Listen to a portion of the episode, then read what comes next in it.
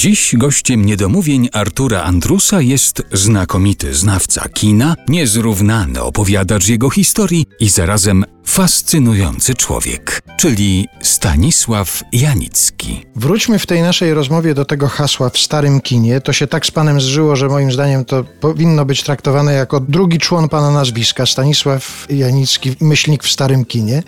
Czy miał pan z tym już takie kłopoty, że na przykład jest taka przypadłość dotycząca lekarzy, że oni na spotkaniach towarzyskich nie mogą się opędzić, bo ktoś zawsze podpyta, słuchaj, jak tu boli, to co robić? Miał pan też tak samo, że pana pytano na przykład na co iść, na co nie chodzić? Nieustannie, to nawet jeszcze teraz, no strasznie oczywiście megalamańsko to brzmi, ale ja przez stare kino odnotowałem się w życiu społecznym jako ten facet, który zna się na filmie. Ten facet, kurczę, od lat już opowiada o filmach i ciągle wymyśla coś nowego. To musi być specjalista, także to miałem. Mhm.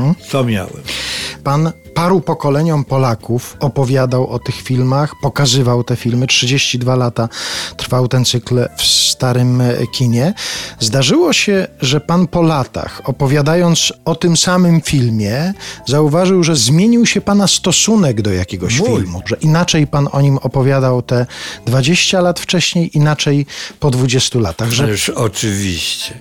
No to musiałbym być mumią egipską, żeby nie. Oczywiście z tym, że w żadnym przypadku nie zmienił się radykalnie. To znaczy, że coś, co ja uważałem za bzdet, po prostu okazało się arcydziełem.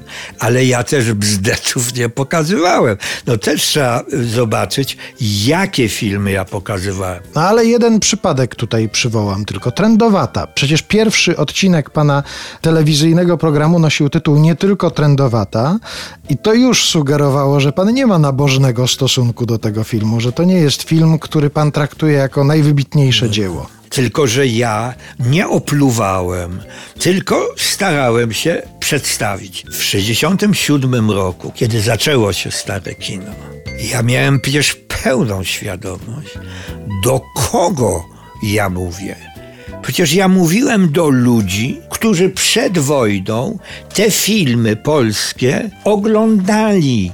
Szanowni Państwo, Wy oczywiście to znacie i tak dalej, i tak dalej, ale zobaczcie, nie tylko to, czym się zachwycaliście i zachwycajcie się dalej, tylko obok tego też były, ale nie obywatel Kane, nie, dziewczęta z Nowolipek na przykład tego typu, bo były już pod koniec lat 30. filmy, no, Granica według Naukowskiej, Ludzie Wisły, no, już zaczęły filmy być y, prawdziwe a nie tylko pour la hec, jak to się mówiło, tylko y, zabawy.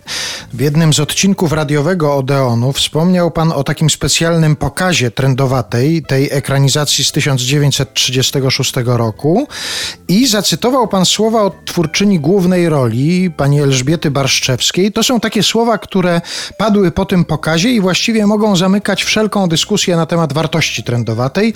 To były takie słowa, przecież to jest uniwersalna opowieść o miłości. No tak, ale to pan y, Stanisław Grabowski, zresztą bardzo dobry reżyser z, y, z wytwórni filmów z którą ja przecież byłem potem związany, wpadł na taki pomysł, żeby zrobić taki cykl obejmujący całą historię polskiego filmu. Pisałem scenariusz, no trendowata musi być. No ale co trendowata? I ja wtedy wpadłem na szatański pomysł zaraz.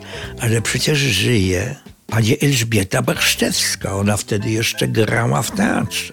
Fantastyczna aktorka. Zadzwoniłem i zapytałem, czy byłaby skłonna, żeby opowiedzieć o tej trendowatej i tak dalej. I wtedy od niej usłyszałem, ale szanowny panie, ja tego filmu nie widziałam. Jak to nie widziałam? Nie widziałam. I, I zapytałem pani Elżbieto, a to może y, byśmy pokazali pani ten film, jak pani go nigdy nie widziała, bo robimy taki film o przedwojennym tym i tak dalej. I pani Elżbieta oczywiście, że- się y, zgodziła, no bo była to przecież fantastyczna, zupełnie kulturalna, inteligentna, bo to byli ludzie niezwykłej klasy.